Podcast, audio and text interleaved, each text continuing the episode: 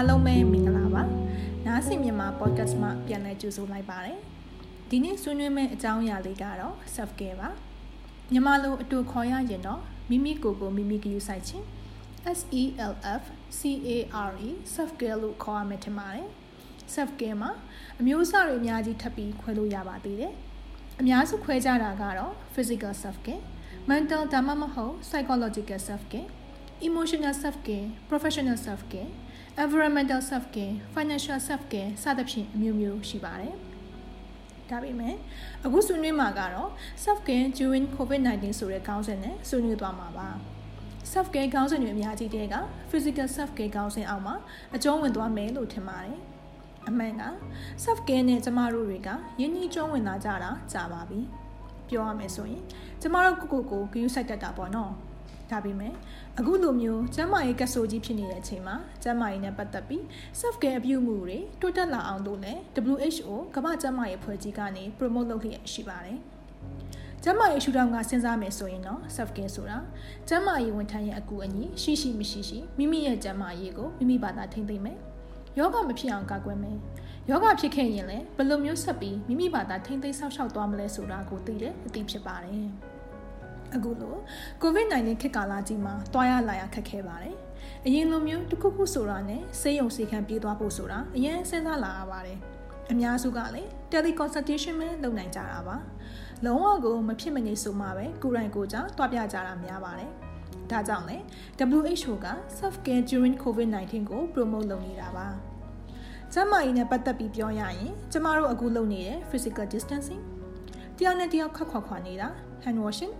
လက်ကိုမကြခဏတက်စအောင်ဆေးကြောတာတွေက COVID-19 ကိုကာကွယ်နိုင်တယ်မိမိကိုယ်တိုင်ပြုလုပ်နိုင်တဲ့ self care အပြုအမူတွေပါပဲ self care အပြုအမူပါမြောက်များစွာတွေကမှလိင်နဲ့မျိုးဆက်ပွားကျန်းမာရေးနဲ့ပတ်သက်ပြီး COVID-19 ချိန်မှာ WHO က promote လုပ်ထားပြီးတော့ self care ပြုလုပ်နိုင်တဲ့ဆယ်ချက်ကိုနားဆင်သူတွေနဲ့အဓိကဆွေးနွေးကြပါတယ်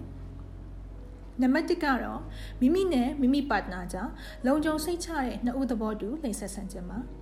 COVID-19 ကကိုနဲ့ကိုပါတနာရဲ့ချစ်ချင်းမြတ်တာတွေကိုမတားဆီးနိုင်ပါဘူး။ဒါကြောင့်ဒီအချိန်မှလည်းမိမိနဲ့မိမိပါတနာတို့ရဲ့ကျန်းမာရေးကိုဂရုစိုက်ဖို့လိုအပ်ပါတယ်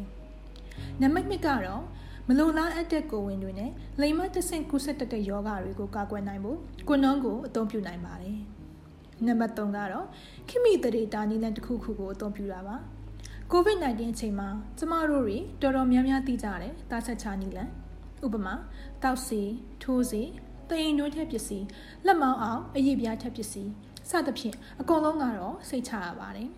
ဒါပေမဲ့ COVID-19 ချိန်နဲ့ဆိုတော့ကျန်းမာရေးဝန်ထမ်းတွေကိုစောင့်မနေပဲမိမိကိုယ်တိုင်အသုံးပြုလို့ရမယ်။တာဆက်ချနီလန်တစ်မျိုးကို WHO ကမိတ်ဆက်ပေးထားပါတယ်။အဲ့ဒါကတော့မိမိကိုယ်တိုင်ဆေးထိုးနိုင်တဲ့အရေးပြားအောက်ထိုးတဲ့၃လခန့်ထိုးဆေးနေသစ်ပါ။ဒီ MPASC လို့တော့တူကခေါ်ပါတယ်။ တချို့နိုင်ငံတွေမှာဆိုရင်အမျိုးသမီးတွေက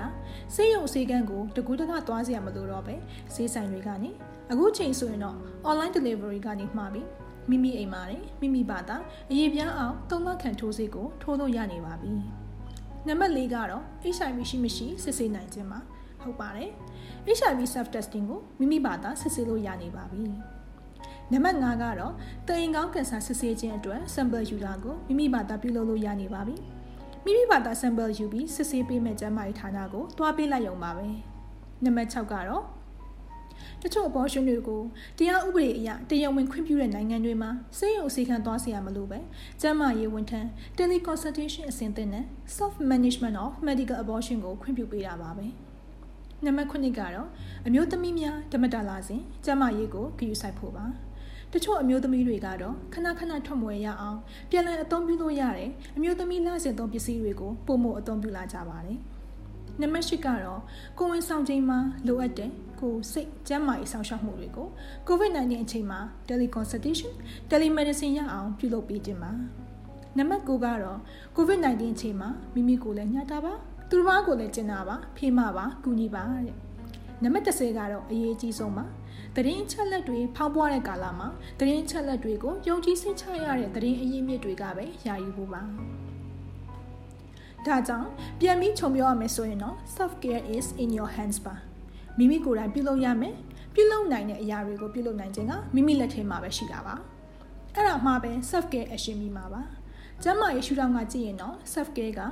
COVID-19 အချိန်တာမကနောက်ပိုင်းကာလတွေမှာပါအသုံးဝင်လာမယ်အရေးကြီးတဲ့အရေးပါတဲ့အဆင့်တစ်ခုဖြစ်လာမှာပါအဲ့ဒီတော့နားဆင်မြန်မာ podcast နားထောင်သူတွေက self care ကိုဘယ်လိုထင်မြင်ပါသလဲအမြင်တွေကိုလည်းပြောပြပေးပါအောင်နော်